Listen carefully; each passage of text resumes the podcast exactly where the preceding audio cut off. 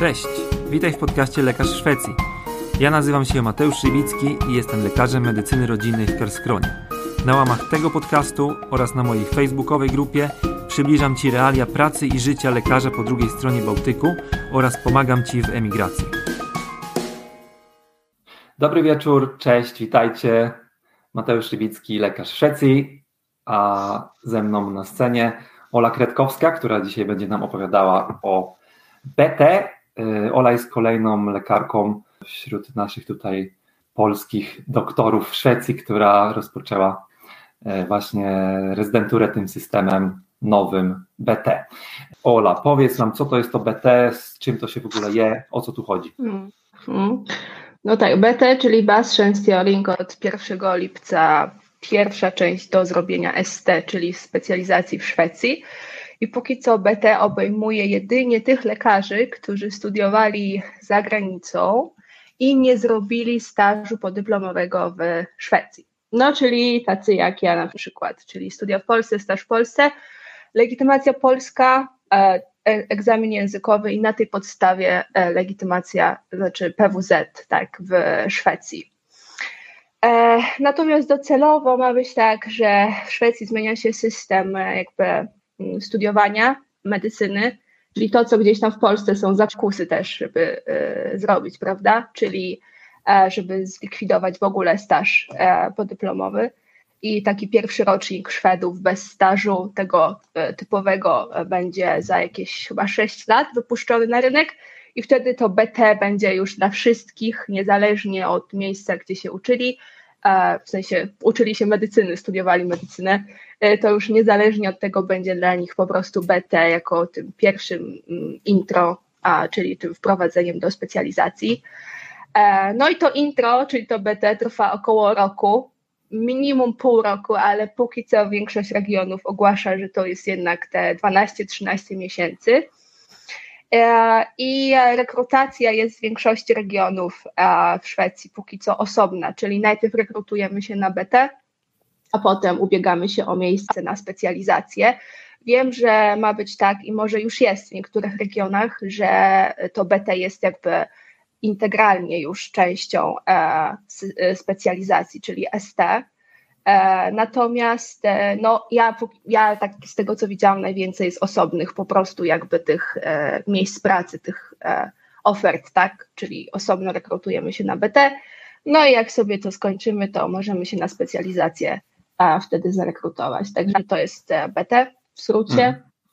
No właśnie, jeszcze tylko wtrącę, bo powiedziałaś, że został zlikwidowany staż w Szwecji i tutaj zamiast tego zostało wprowadzone BT.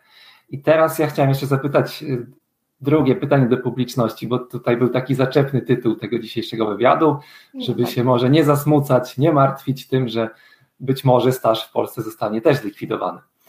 E, także pytanie do Was jest takie, czy, czy, czy jesteście właśnie smutni, czy, czy się niepokoicie tym, że staż może zostać w Polsce zniesiony, być może zostanie zniesiony, jeżeli, jeżeli uważacie, że to jest e, właśnie, może inaczej. Jeżeli uważacie, że to jest dobra decyzja, to dajcie kciuka w górę, a jeżeli wasze serce krwawi na tą myśl, to naciśnijcie serduszko. Zobaczymy, co tutaj wyjdzie.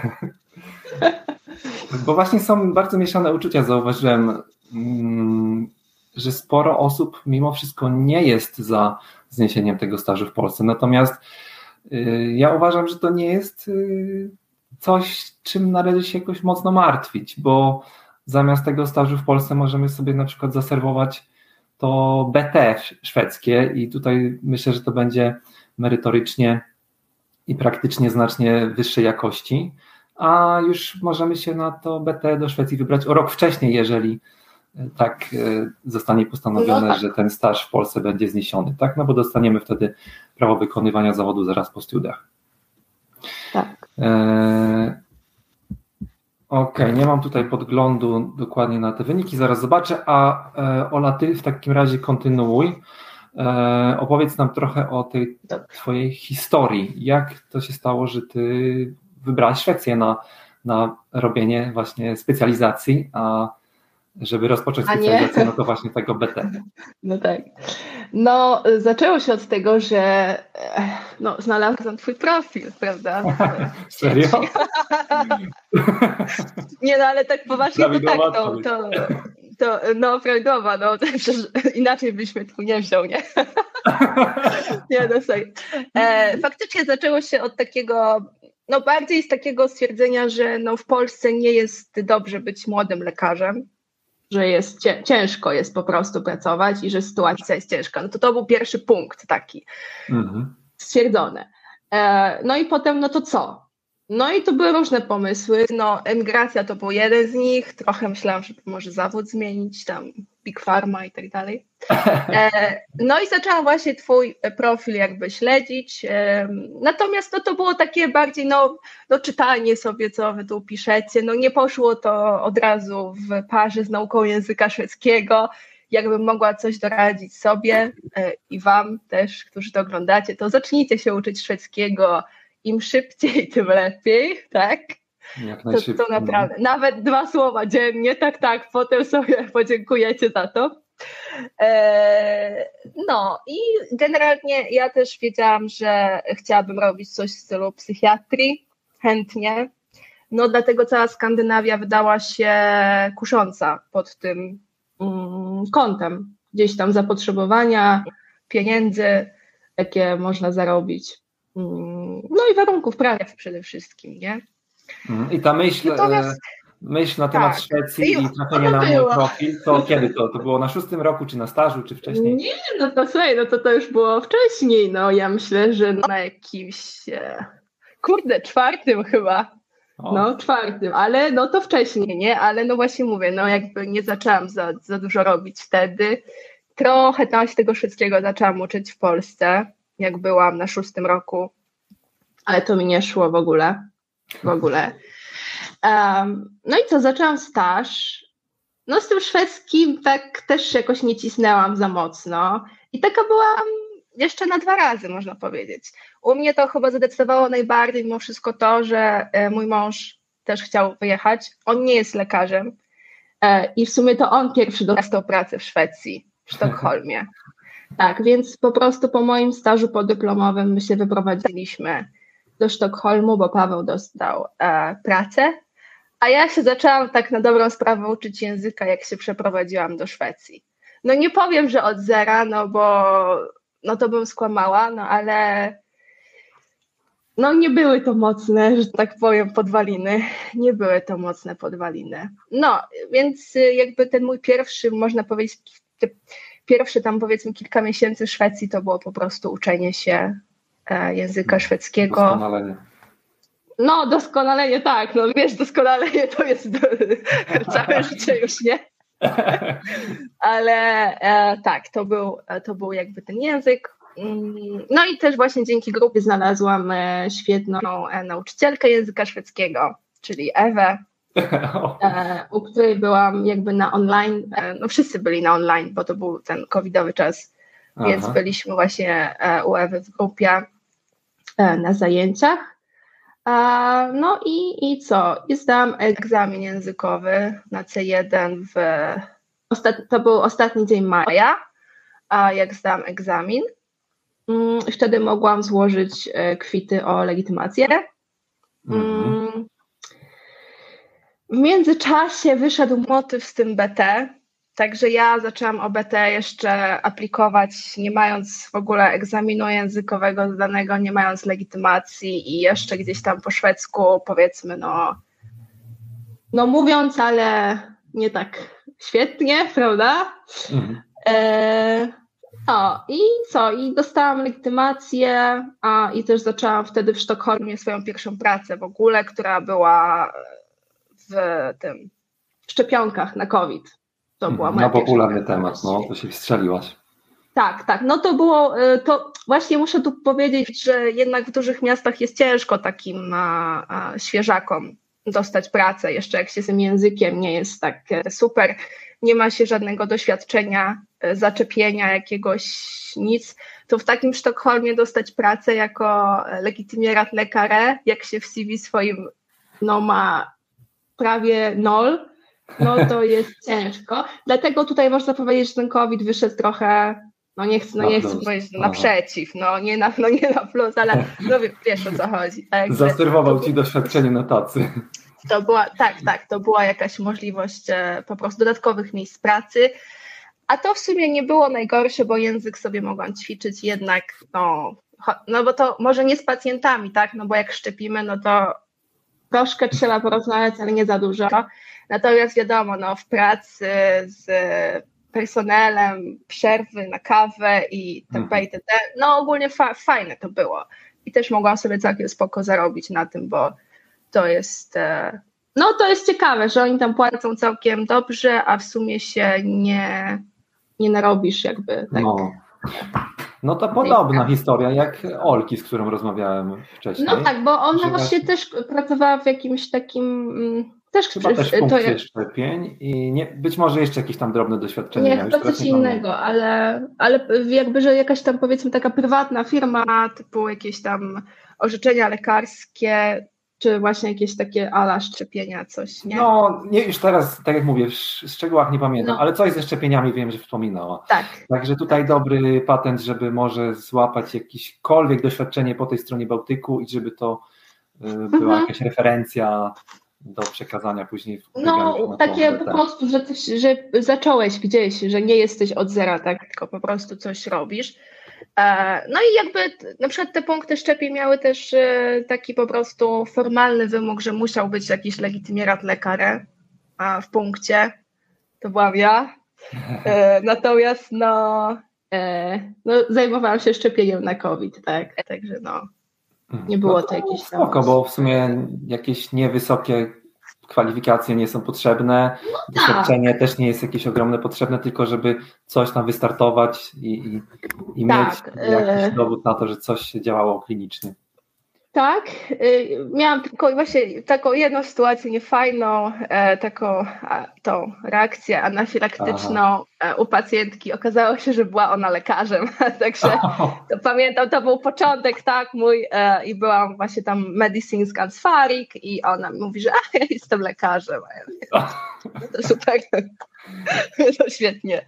No. I co, e, skończyło się tak. na adrenalinie, czy nie, na no, nie, no, sko sko skończyło się faktycznie na e, adrenalinie, ale nie było jakiejś tam e, mega tragedii i ambulans przyjechał mhm. dosyć e, sprawnie, bo tam nie, nie było jakiegoś zaplecza, tam nie wiadomo jakiego, nie. No, także spoko. Betapred i desloratadin, tak? E, yes. E, tak, no. tak, Przeżyła.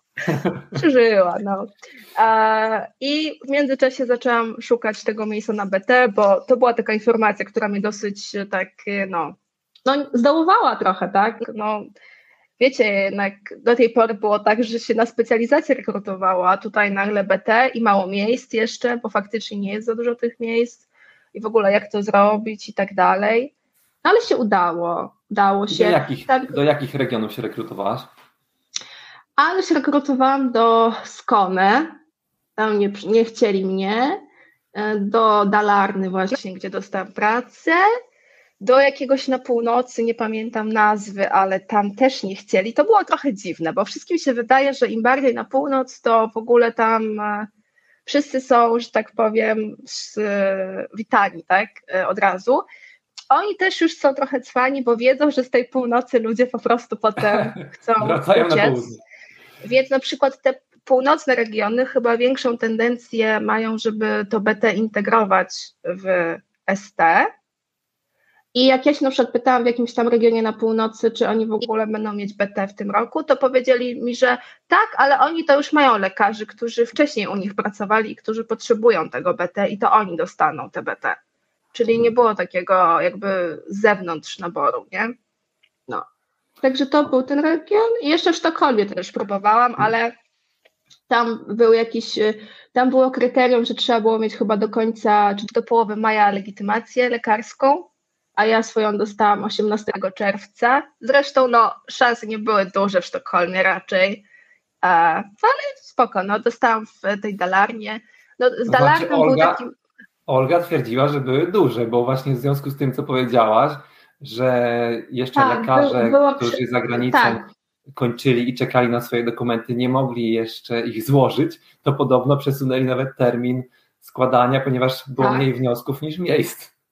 Nie, no mniej wniosków, no słuchajcie, no mniej wniosków to bez przesady, to nie było. Faktycznie czytałam w gazecie lekarskiej, że był mały no, dyk na mało było stosunkowo chętnych, jak na to, że na przykład porównamy AT w Sztokholmie, tak? E, czyli staż podyplomowy, ile jest chętnych.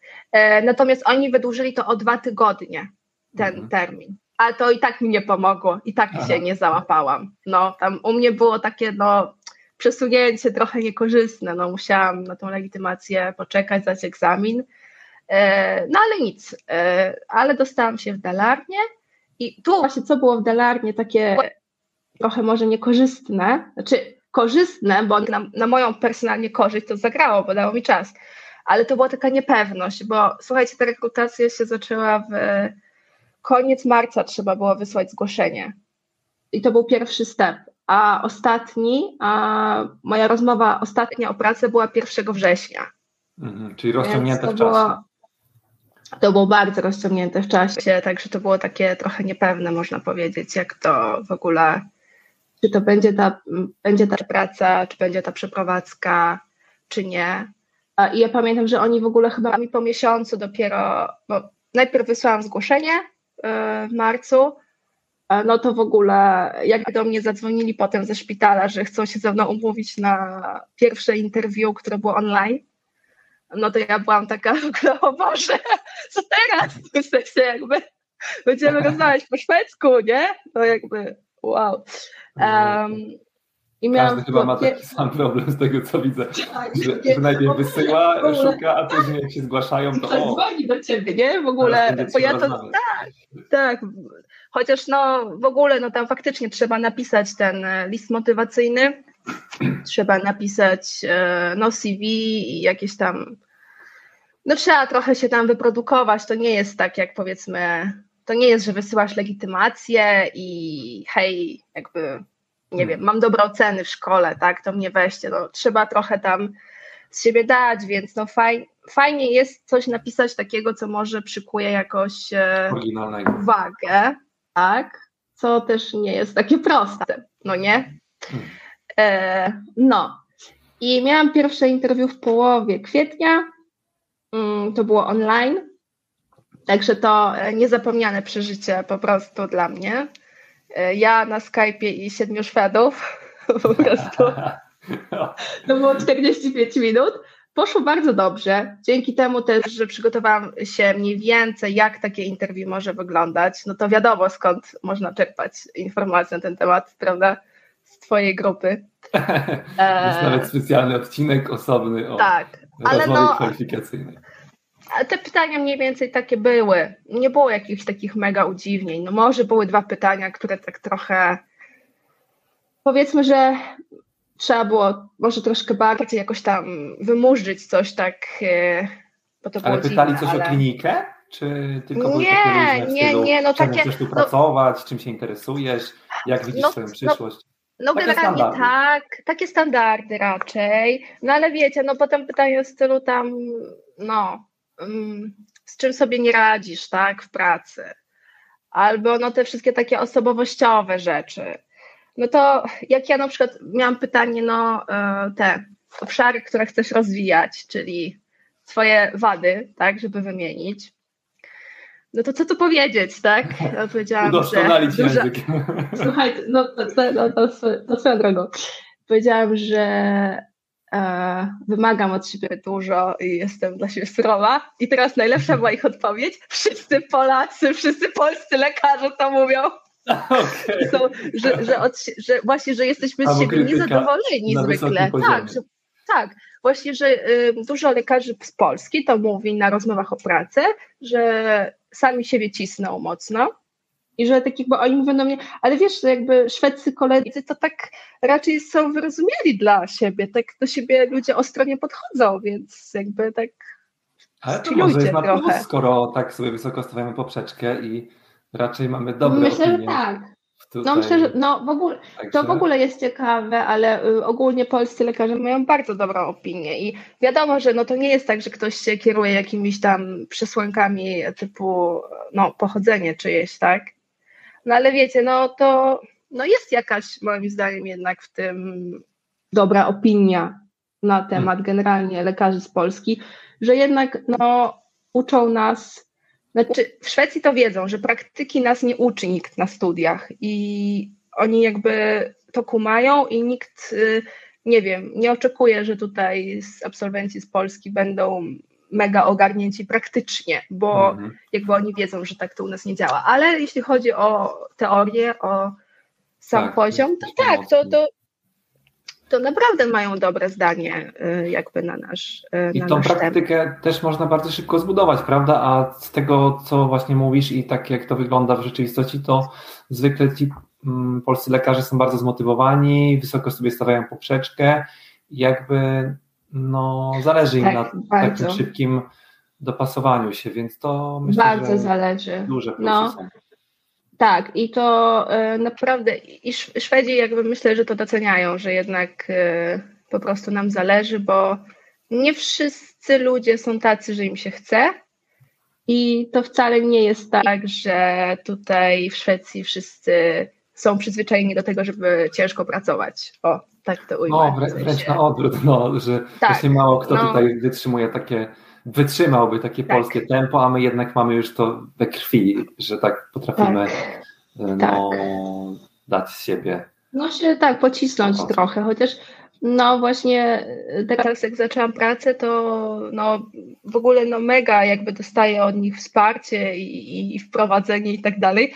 I ja tak aż kurde, tak na początku tak no nie dowierzałam, ale to tak może być, że tak wszyscy tak chcą pomóc mi i tacy są, że jakby super Aleksandra tam brają bat i że do przodu i nie ma takiego jakby ja mam wrażenie czasami, że się sama bardziej cisnę niż oni.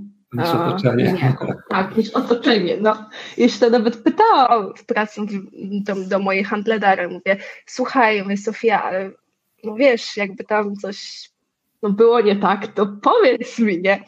Czy ja dobrze pracuję, może za wolno, może coś. Ona mówi, spoko Aleksandra, nie musisz się, że tak powiem, sama e, jakby jakoś tam cisnąć. Piczować. Jest okej, okay, jest okej, okay, jest okej okay. i jak coś będzie nie okej, no to też ci powiem, nie? Że, mm, że po prostu coś nie działa. No to jest super, no bo no tak, no ja, ja, ja na przykład jestem taką osobą, że no po prostu, że, no, że też chcę do, dobrze tak się jakoś tam w pracy no cisnąć tak trochę. No. Pewnie. Wiesz co, zanim przejdziemy dalej, to ja chcę teraz wszystkich zachęcić serdecznie do zadawania pytań, bo jeszcze żadne pytanie nie padło, a obiecaliśmy, że tutaj się skupimy w dzisiejszym odcinku szczególnie na Waszych wątpliwościach, pytaniach.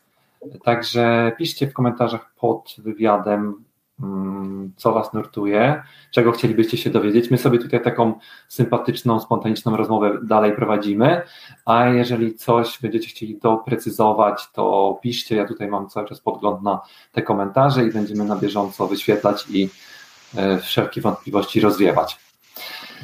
E, także, tak jak mówisz, e, Szwedzi mają dobrą opinię o, o polskich lekarzach i tak. jeżeli coś będzie nie tak, jeżeli mm, czegoś będzie brakowało, to oni nam po prostu to powiedzą i nie powiedzą nam tego w żaden negatywny sposób, żeby nam zrobić, sprawić przykrość, tylko Dokładnie. uważam to w taki bardzo delikatny sposób i, i oni mm, no, wychodzi im to bardzo dobrze, więc jakby E, nie, nie, jakby nie ma się co samemu stresować, stresować ale mówię, no, ale to, to właśnie, no ja to zauważyłam, to jest jakaś taka kwestia. E,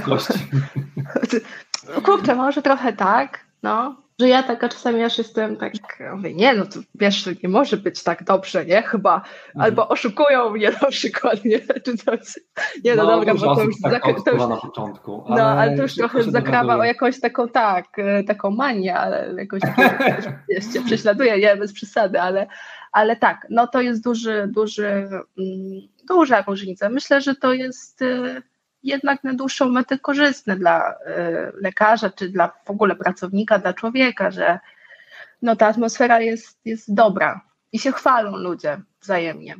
Okej, okay, mamy pierwsze pytanie. Klaudia pyta, jak wygląda taki dzień pracy na BT? To może e, Ola powiedz, z jakich e, w ogóle bloków się składa e, taki cały, takie całe to BT i wtedy dodatkowo jeszcze jak wygląda taki standardowy dzień pracy na tych, w tych miejscach, albo przynajmniej w tych miejscach, w których już zdążyłaś być, bo ty dopiero od niedawna od no tak, no, no listopada, tak? Jesteś nawet. Tak, tak.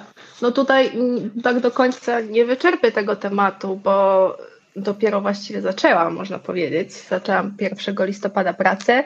A najpierw mieliśmy dwa tygodnie intro, a wprowadzenie dla wszystkich beta lekare. No to mieliśmy dwa tygodnie po prostu wykładów, symulacji medycznych. W ogóle zrobili nam świetne zajęcia z Akut Schola, czyli z, no właśnie z takich symulacji, gdzie no, byliśmy my i specjaliści i o, było naprawdę mega. E, potem miałam dwa e, tygodnie lokalnego intro na pierwszym bloku, który zaczęłam i to jest interna. I tej interny będę mieć jeszcze 4 miesiące. E, także no, za dużo nie popracowałam póki co. Jeszcze zanim może powiem o tym dniu, to E, powiem tylko, że następny blok, jaki mam, to jest e, e, psychiatria i to jest dwa miesiące. Ja mam akurat w szpitalu psychiatrycznym, z czego się bardzo cieszę. Natomiast to różnie wygląda, ta psychiatria, to znaczy może być też jako część takiego lecznictwa otwartego, otwartego. tak? Czyli po prostu może być w przychodni tylko, albo może być nawet w ramach POZ-u, bo też, też bo też na przykład pacjenci psychiatryczni są w po, no ty wiesz, tak? Tak, tak, tak. No, chyba są nie. obsługiwani w dużej mierze przez nie POZ. No, no, to jest tak. E, także e, interna, czyli to jest to po szwedzku akut hugworden i w moim przypadku to jest interna, ale to może być równie dobrze i tak mają niektórzy moi koledzy w regionie, e, chirurgia, ortopedia, to się może różnić, bo nie ma tego odgórnie gdzieś e, e, wyznaczonego. Akut Hugwarden, no to znaczy, że po prostu musi być też ten element tych ostrych o, przyjęć. Od, ostrych tak. przypadków, tak. Czyli to tak. często się odbywa taka ta część chyba na sorze, tak? Czyli może być na sorze internistycznym, Dokładnie. na sorze chirurgicznym, tak. na sorze ortopedycznym, ale musi to mieć to, to podłoże os, ostrych przypadków. O, ostrych, ostrych przypadków, tak. No a że ja mam właśnie w, jakby na internie, no to najpierw mam pracę przez, no właściwie to teraz grudzień i połowę stycznia będę mieć na oddziale, potem zacznę na tym sorze internistycznym u nas w szpitalu. Potem jest psychiatria dwa miesiące i potem jest POZ cztery miesiące, no i wakacje jeden miesiąc płatne mhm. oczywiście. Tak. E, natomiast jeszcze dodatkowo mamy mm, dwa krótkie staże w ramach właśnie tego bloku z Akut e, Hugworden i ja właśnie aktualnie jestem na takim krótkim tygodniowym stażu na intensywnej terapii i będę mieć jeszcze krótki tygodniowy staż na chirurgii. E, natomiast póki co mój dzień pracy na internie wygląda tak, że oddział jest podzielony na trzy odcinki. A każdy odcinek to jest sześć miejsc, czyli oddział czy pięć, czekaj. To zależy, jakie jest obłożenie. Maksymalnie chyba może być po sześć. No to jest tak, maksymalnie jest 18 pacjentów na całym oddziale, ale zwykle to jest tam bardziej jakieś 16 pacjentów. Mhm. E, I z tych, na każdy z tych odcinków, z tych trzech odcinków, przypada jeden underlekarz, no to może być beta lekare, to może być AT lekare, to może być ST lekare. No i on tych pacjentów ogarnia, tylko teraz na czym polega ogarnianie tych pacjentów? No, polega na tym, że masz y, czyli specjalistę, który właściwie z tobą decyduje o wszystkim. Jakby, no dobra, no może nie o wszystkim, no ale no, o większości, no, każdego pacjenta się omawia codziennie z specjalist lekarem, no plus omawia się pacjenta jeszcze z całym e, zespołem, bo to jest wspaniałe w Szwecji, że to nie jest tak, że ty masz pacjenta i ty zrób se coś z nim, tylko my mamy pacjenta i my coś z nim robimy i jesteśmy zespołem, czyli mamy jeszcze fizjoterapeutów, mamy jeszcze pielęgniarki, mamy e, underhoteszki, które też, no może bardziej one wykonują obowiązki, no ale też są w całym tym mhm. procesie Czasem ważne. jakiś psycholog się jeszcze trafi albo tak zwany tak, kurator. Tak, tak, dokładnie. E, także e, to, to tak pokrótce wygląda. Natomiast ja, ponieważ zaczęłam niedawno pracę, to mam tak luksusowo w mojej pracy, że póki co ja jestem na takim odcinku, czyli na te tam 5 czy 6 pacjentów, to jestem ja jako świeżak, tak? Plus underlekarę, plus specjalist lekarę. No, tylko że tak, tylko tu właśnie jeszcze, żeby była świadomość, no, specjalist lekarza jest jeden na cały oddział, czyli na te, no powiedzmy 16 tam łóżek, tak? Mhm. I jego rola to nie jest taka, że on jakby każdą drobniutką rzecz po kolei będzie robił, tylko on tak jakby, ty mu referujesz pacjenta, on razem z tobą przegląda badania, przegląda zlecenia, planuje diagnostykę, natomiast no jakby ty jesteś tym y, takim, można powiedzieć, wykonawcą, a, natomiast on jest tym twoim takim a, ponosicielem odpowiedzialności, można powiedzieć też, że tak to nazwę.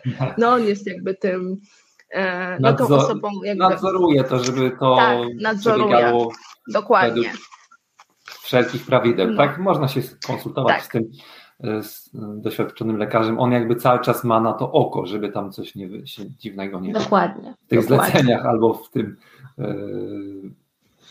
procesie leczniczym. No tak, no żeby po prostu nie, nie było jakiejś głupoty tak tam zrobionej, żeby wszystko było ok.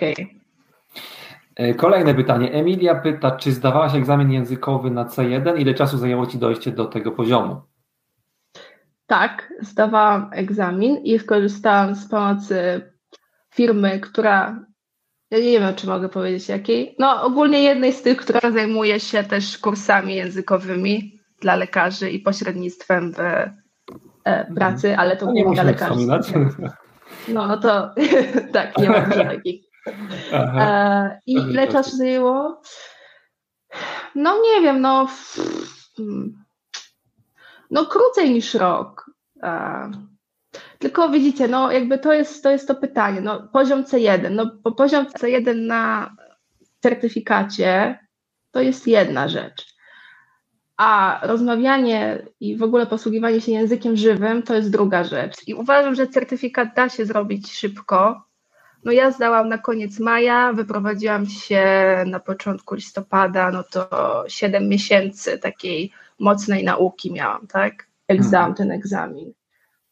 Okej, okay, no to czyli pasowujesz się w to, co ja tak. Y, zawsze powtarzam, że między 6 a 12 miesięcy to jest do ogarnięcia ten język, tak? Od podstaw tak. aż do powiedzmy mocnego B2, bo ten język można udowodnić różnymi sposobami. Ty akurat jesteś przykładem tego, że podeszłaś do egzaminu, natomiast też y, część osób wybiera tą ścieżkę zaświadczenia od pracodawcy tak. i tu nie jest to już takie ostre, że ktoś oceni ciebie na C1 słabe lub mocne B2. Najczęściej już z tym B2 to można spokojnie się wybierać do Szwecji i zacząć czegoś szukać. I no tak jak mówisz, da się to ten język ogarnąć. No to tak, no, no to Mniej więcej, od pół roku do roku. Tak, no to jest, to jest taki wymóg. E, no tylko, że mówię, no najbardziej się rozwija w pracy językowo, tak? W sensie jak pracujesz, to się rozwijasz, słuchasz kolegów, e, słuchasz pacjentów, czy wiesz, dokumentację prowadzisz też, e, czy czytasz dokumentację, to bardzo pomaga. Dlatego warto nawet czasami się wybrać już tak wcześniej jak przy tym B2, do Szwecji, żeby ten rozwój językowy od B2 do C1 przebiegał szybciej i bardziej praktycznie, tak? Niż siedzieć mm. w domu w Polsce i zakuwać z podręcznika, bo to nie będzie tego no. samego, nie, tej samej nie. jakości. Nie, no jakby u mnie było spoko to, że ja mieszkałam już w Szwecji i no właśnie osłuchanie się z językiem jest y, istotne z jego melodią, prawda? Bo hmm. E, jak się na przykład jest przyzwyczajonym do jednej osoby, która mówi po szwedzku, to też nie jest za dobrze. Dokładnie. Ok, mamy kolejne pytanie. E, Anna Maria pyta, jakiej pracy w Szwecji ze znajomością języka poniżej C1 przed składaniem na BT warto szukać, żeby może przy odrobinie szczęścia też pomogła w rekrutacji? Co byś doradziła? No, Oprócz tych hmm. szczepionek, o których już wspomniałaś. Mhm. Hmm. No, dużo osób e, zaczyna jako Unterhoteszka na przykład pracę. No to jest taka praca mm, przy pacjencie, tak? Często takie czynności pielęgnacyjne właściwie. I mi się wydaje, że to jest dobry. No ja tego nie zrobiłam, tak? Więc ja świetnie tylko doradzam z czegoś, co nie zrobiłam. E, ale wydaje mi się, że to może być dobry motyw, e, jeżeli by dostać na przykład taką pracę Unterhoteszki na jakimś oddziale, gdzie jesteś też jakby żywo z zagadnieniami jakimiś medycznymi, ze sprzętem, nie? Bo to potem się okazuje, że się z książki nie nauczysz tego, czy z hmm. jakimiś takimi zwrotami. Więc chyba, chyba to by było najlepsze. Mm, wydaje mi się, znaczy ja nie wiem do końca, jak to jest na przykład jakbyś czy możesz jako na przykład jakiś underlekarę pracować e, w Można, przed legitymacją, w oczekiwaniu na legitymację można takie coś zrobić. Także jak się trafi no bo, odpowiedni oddział, który bardzo potrzebuje, albo ośrodek zdrowia, no to właśnie, jest do bo to, No właśnie, bo to też zależy od lokalizacji. Tutaj radziłabym raczej próbować w mniejszych, takich mniej popularnych, bo w dużych miastach to naprawdę jest nadwyżka młodych y, doktorów, takich no, mhm. młodych, że tak powiem. Okej, okay. tu jest pytanie trochę z innej beczki. Nie wiem, jeżeli nie będziesz potrafiła odpowiedzieć, to po prostu mów śmiało, to lecimy dalej. Ola mhm. pyta, czy trudno jest się dostać na specjalizację w Szwecji, która nie jest deficytowa, na przykład anestezjologia. Co jest warunkiem dostania się na specjalizację? E, czy jest jakiś test, na przykład tak jak u nas w Polsce jest lek? No to od końca, tak, no to nie ma żadnego e, testu. Jakby rekrutacja, znaczy ubieganie się o specjalizację to jest po prostu ubieganie się o pracę. To nie jest żaden nabór e, regionalny czy taki ogólnopolski, tak, że jest jakiś egzamin, który decyduje o czymś. Nie. Po prostu szukasz pracy. No i teraz im większe masz doświadczenie w jakiejś dziedzinie, no to masz większe szanse na E, pracę, czyli w, w szwedzkim przypadku, no to na przykład jak zaczniesz pracować jako no, wikarierande underlekare, czyli taki mm, jak to, że to jest e, no na przykład zastępstwo, jakbyś chciała robić anestezję, no to na przykład jakbyś popracowała trzy miesiące e, jako taki no, na zastępstwo za kogoś na oddziale, no to to na przykład jest już doświadczenie, które ci coś e, da. A czy na przykład anestezjologia jest trudna do dostania się? Mi się wydaje, że nie aż taka najtrudniejsza chyba jest. Też mam takie wrażenie, że gdzieś powiedzmy średnia, tak. średnia trudność, tak? Średnia, no. No, no właśnie mi się... Leży to daleko od akurat mojej rzeczywistości POZ-u, ale z tego, co gdzieś tam słyszę, no to, to myślę, że jest do zrobienia. Mm. No, myślę, myślę, myślę, że jak najbardziej. No, znaczy ja, ja, ja nie chcę w ogóle nic takiego robić, więc ja też się aż tak nie interesuję typu tam intensywna, ale ja myślę, że fajne warunki są tutaj dla anestezjologów. Poszczegóły możemy odesłać jeszcze do odcinka, który był z anestezjolog, która kończyła specjalizację w Szwecji. Także być, już tam nie pamiętam w szczegółach, ale być może tam coś więcej na ten temat powiedzieliśmy. A my bierzemy następne pytanie. E, tutaj to samo, ile zajęło Ci dojście do poziomu C1, ale czy w tym czasie skupiałaś się tylko na nauce języka, czy też jednocześnie pracowałaś? Pyta Paulina. Mm, no to tak jak mówiłam, no to było jakieś tam 7-8 miesięcy, ale nie, ja nie pracowałam. Moja praca przy szczepionkach to już była właściwie z legitymacją praca. Dlatego głównie, że w Sztokholmie było ciężko się jakkolwiek zaczepić i to też był taki u mnie okres przejściowy, że czekałam na decyzję o BT.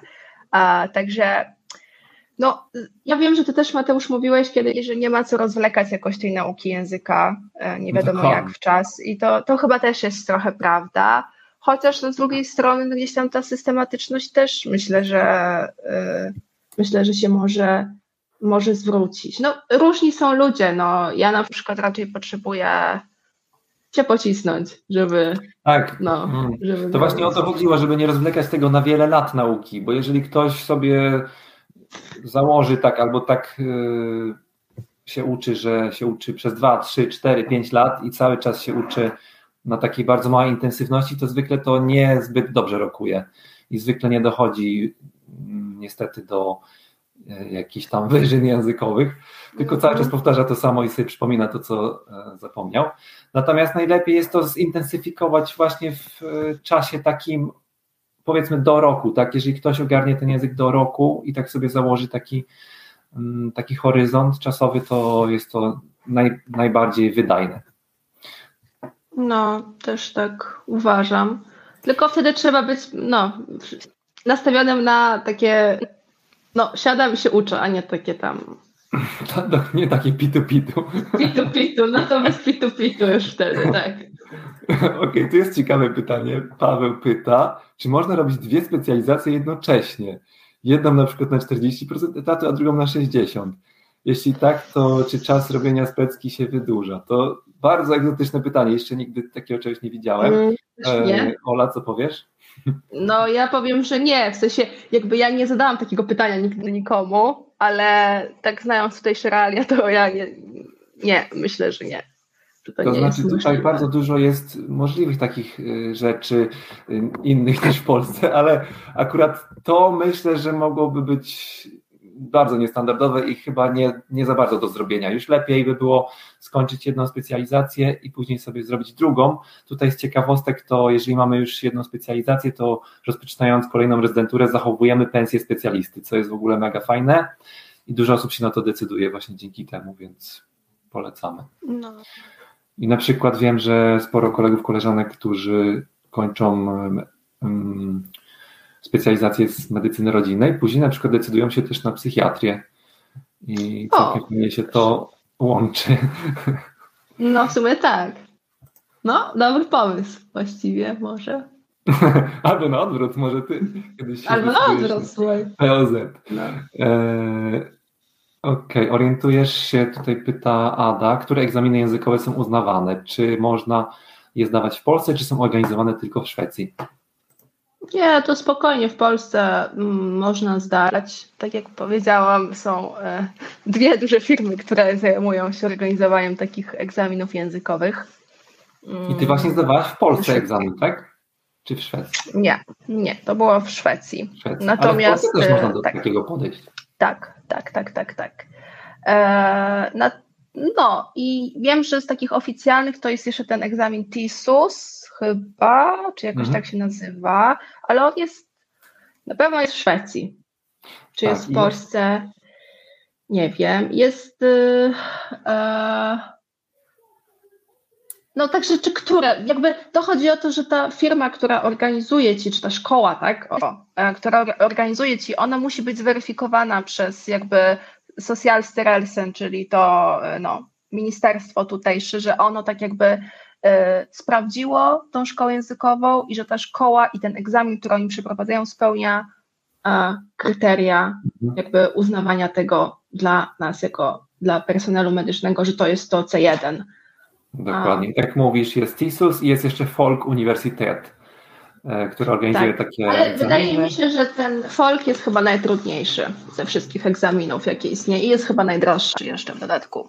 A tu nie mam porównania, jeśli chodzi o trudność, ale cena tego folk jest chyba 2 albo 3 tysiące koron. E, no. I to w bardzo wielu miejscach. No, chyba, a może nie. No tak, ale wydaje mi się, że on jest chyba najtrudniejszy. No ale no. Ciężko powiedzieć. Można spróbować różne. Okej. Okay. Karolina pyta, ile zarabia się na BT netto? To może zacznijmy Netto. od brutto, to będzie łatwiej to porównać. Dobrze. No, więc y, może tak, powiem jakie były założenia y, przy pensji na BT. Miała być to pensja wyjściowa, y, jaka jest na ST. Znaczy się jakby odpowiadająca pierwszemu roku ST. Taka miała mhm. być pensja na BT. wydaje mi się, że w całym kraju jest raczej trend, że to jest trochę mniej niż ta pensja wyjściowa na ST. Ja mogę powiedzieć, ile ja zarabiam. Nie wiem, ile zarabiają moi koledzy w regionie, bo takie rozmowy między nami nie było. Ja zarabiam 43 tysiące koron brutto, no to jest netto 32 z małym hakiem. To jest za 40 godzin pracy. Jeszcze warto dodać, że jako BT mam 4 godziny w tygodniu naukę, także de facto to pracuję przez 36 godzin plus 4 godziny, a tygodniowo się uczę.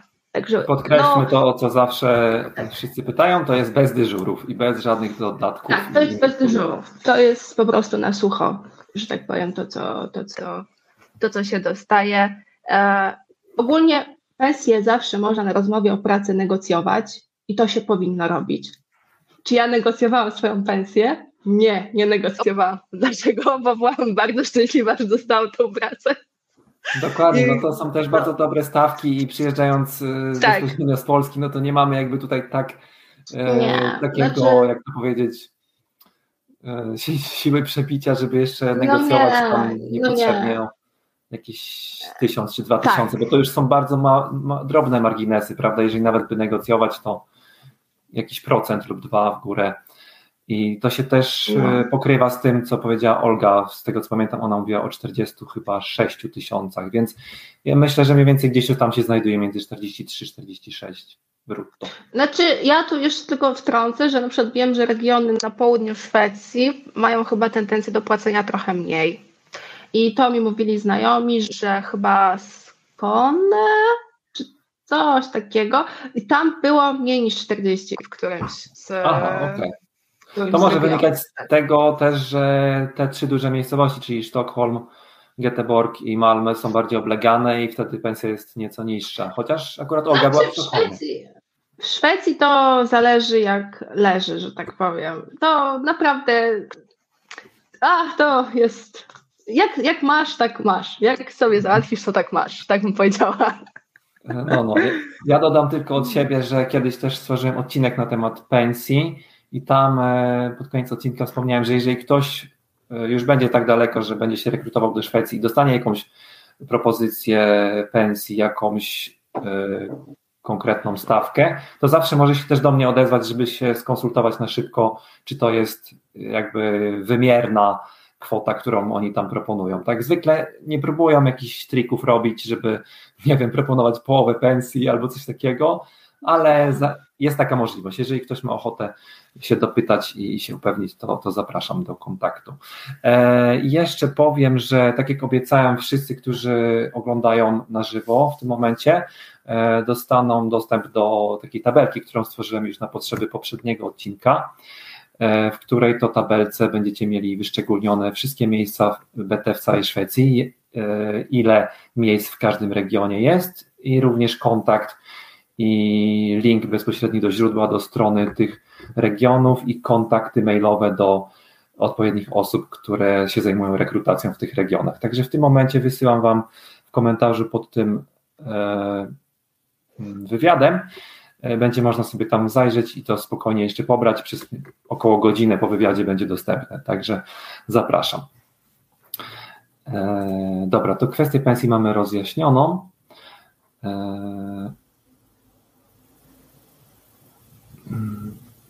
Tutaj jest jeszcze takie pytanie Emilii. E, Emilia pyta, czy dobrze zrozumiała, że jesteś na BT, które do niczego cię nie zobowiązuje, to znaczy po jego ukończeniu możesz rozpocząć specjalizację w innym szpitalu, innym regionie. Dokładnie tak. Dokładnie tak. To jest e, umowa na rok. Po tym roku ja mam zaliczony moduł BT i mogę się rekrutować na speckę, z czego chcę i gdzie chcę to znaczy szukać pracy. O. w Szwecji. Dokładnie, ale nie, nie, nie jestem jakby uwiązana z nikim, z, z niczym, także mogę robić co chcę, że tak powiem. Okej, okay, Paulina pyta, na jakie specjalizacje trudno się dostać? Co byś powiedziała? Na psychiatrię trudno? Na jakie? Na psychi... Wydaje mi się, że nie, bo jak szukałam jeszcze kiedyś ogłoszeń nawet, to gdzieś tam na psychę były zawsze, e, na rodzinną też. No trudno, no na co jest trudno? No, ja bym powiedziała, że na to samo to w Polsce. Czyli na te na przykład dermatologia, może okulistyka, jakaś chirurgia na przykład, taka węższa. Także chyba taki standard. No, tu jest jeszcze to, że właśnie jakieś węższe specki, no to się robi w dużych miastach, tak? No to mniej potencjalnych miejsc na zrobienie tej specjalizacji po prostu jest. Mhm. Faktycznie jest nawet pytanie, które brzmi prawie dokładnie tak samo. Właśnie, czy jest tak samo trudno się dostać w Polsce, jak w Szwecji, jak w Polsce, na przykład na dermatologię i na te wszystkie inne węższe? No to już właśnie odpowiedzieliśmy. No.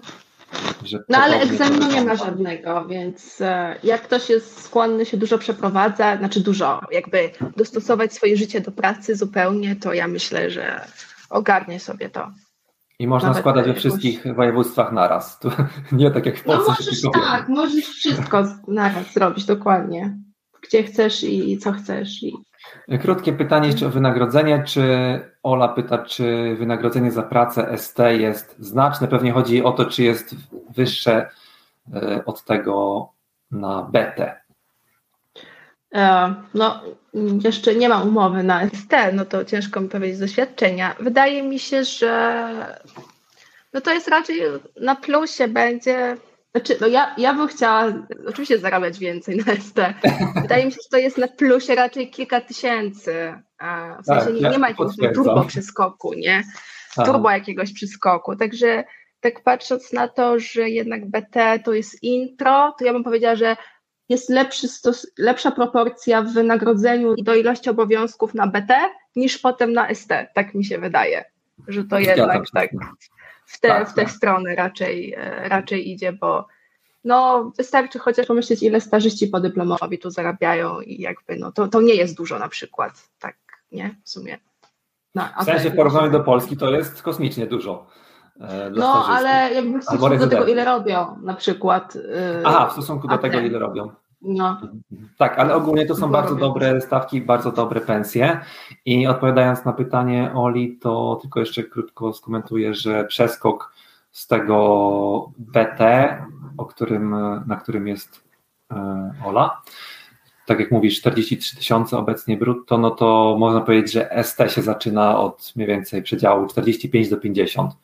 Więc to nie jest jakiś kosmiczny przeskok, to jest bardziej taka. Mm, E, takie schody jakby stopniowo, że to idzie w górę, ale co, tak. roku, co roku jest podwyżka o kilka procent, także to pnie, pnie się stopniowo w górę. E, dobra, to będziemy powoli tutaj zakończać. Jeszcze kilka widzę pytań jest. E, ile trwa specjalizacja? Czy tak jak w Polsce od 4 do 6 lat? Pyta Oliwia. No właśnie, teraz będzie specjalizacja łącznie z BT 5,5 roku w Szwecji. Także ja to jeszcze się przekonam, jak za jakiś czas, ale nie do końca wiem, czy to ma być tak, że na przykład jak robię rok teraz BT, to potem mam tylko czekaj, 4,5, e, czy biorąc pod uwagę, że BT miało być minimum 6 miesięcy, to jednak ma być 5 ST? Nie wiem tego. To jest ciężko jeszcze na to odpowiedzieć, wiesz, wiesz, ale... chodzi. Tak, Nikt tak. jeszcze nie poszedł chyba tak do końca tym, więc... Nie. Ale no, wydaje mi się, że no, jest w tym e, opisie jest jakby tych no, nowego programu specjalizacji jest, że ma być przynajmniej 5,5 roku specjalizacja, wliczając w to przynajmniej pół roku BT. Takie Dokładnie. są e, zapisy, także tak to wygląda. Mm, tak, tutaj jest jeszcze pytanie o to, gdzie najlepiej szukać ofert pracy w Szwecji na BT. No to odsyłam do tego pliku, do którego właśnie przed chwilką wrzuciłem linka. Tam są bezpośrednie linki do tych miejsc, w których można się rekrutować i obserwować, czy się pojawiają te kolejne miejsca. E, jak się rekrutować na BT w Szwecji? Pyta też Ola. Czy robi się to mailowo, telefonicznie, listownie, osobiście, czy można rekrutować się na BT z Polski? Tak, e, można zdalnie. Generalnie rekrutacja na pewno pierwszy etap to jest wysłanie wszystkich e, dokumentów, listów, CV i tak dalej mailowo. E, potem zwykle pierwszy etap to jest, czasem pierwszy jest ostatnim, ale różnie bywa. Pierwszy etap to jest zwykle rozmowa przez Skype jakiś i takie interview po prostu online. No a potem różnie. Ja miałam akurat jeszcze drugie spotkanie na miejscu. Niektórzy mieli tylko interview, od razu dostali pracę więc e, to zależy. Mhm. To zależy po prostu. Okej, okay. i jeszcze na koniec takie pytanie. Kurczę, to będzie trochę ciężko odpowiedzieć, bo to nie nasza działka, ale Michał pyta, jak wygląda sprawa z ginekologią i położnictwem? Czy to są oddzielne specjalizacje, jakie jest zapotrzebowanie? Co byś no, na pewno, kurde, na pewno, że położne, położne robią bardzo dużą robotę tutaj, jeśli chodzi o położnictwo. Yy, czy co więcej mogę powiedzieć? No nie wiem, ja unikam akurat takiego obszaru jak ginekologia i położnictwo, więc nie powiem chyba nic mądrego. Wydaje mi się, że raczej nie aż tak trudno powinno być, bo to jest mimo wszystko jedna z tych cięższych specek. Pytanie, czy Michał ma na myśli przyjazd tutaj jako specjalista, czy chce się rekrutować na rezydenturę? Jeżeli na rezydenturę, no to musi przejść też przez BT, czyli najpierw przez te kroki, o których mówiła Ola. E, natomiast e, to jest e, jedna i ta sama specjalizacja. I mm, zapotrzebowanie myślę, że może nie z tych topowych, tak jak psychiatria i rodzinna, ale znowu mniej więcej takie średnie, więc jest jak najbardziej do zrobienia. Niestety to, to leży jakby tutaj najdalej ginekologia i położnictwo od naszych e, dwóch specjalizacji no, tak, docelowej, z tego co wiem. To prawda. To e, prawda. Okej, okay, dobra, to dosłownie ostatnie pytanie na zakończenie. Jeszcze pytanie o. Ile się uczy, ale to tutaj pytanie zadane jest. Ja nie odpowiem na to pytanie, bo wiecie, to zależy, ile się ma pieniędzy po prostu. Zależy, nie, jak no. się wydaje. Znaczy, i zależy, jak się wydaje, tak. Y, znaczy, ja powiem tak. Y, z na pensji BT. No nie, no ja na moim nie mogę, bo my to mamy łączony budżet z moim mężem, Aha. to ja nie mogę na moim. E, ale na moim przykładzie, jakbym ja powiedzieć, gdybym była sama tutaj, to spokojnie, w sensie za moją pensję spokojnie się utrzymam, odłożę kasę i nie będę mieć żadnej biedy i naprawdę sobie na luzie po prostu pożyję bez jakiegoś tam martwienia się o pieniądze po prostu. Także no to jest, to jest taka odpowiedź. Super, no. dobra, to tym pozytywnym akcentem zakończamy. Dziękuję Ci serdecznie, Ola, za podzielenie się tymi no, wszystkimi wrażeniami. Jesteśmy w kontakcie, może tak. jeszcze nam kiedyś opowiesz, jak już będziesz bardziej przy końcówce, jak tam te pozostałe bloki. Za rok. O, jakie tam doświadczenia. No, dobrze. No, co Super, dzięki. To dzięki. Trzymajcie się. Do Cześć. w kolejnym odcinku.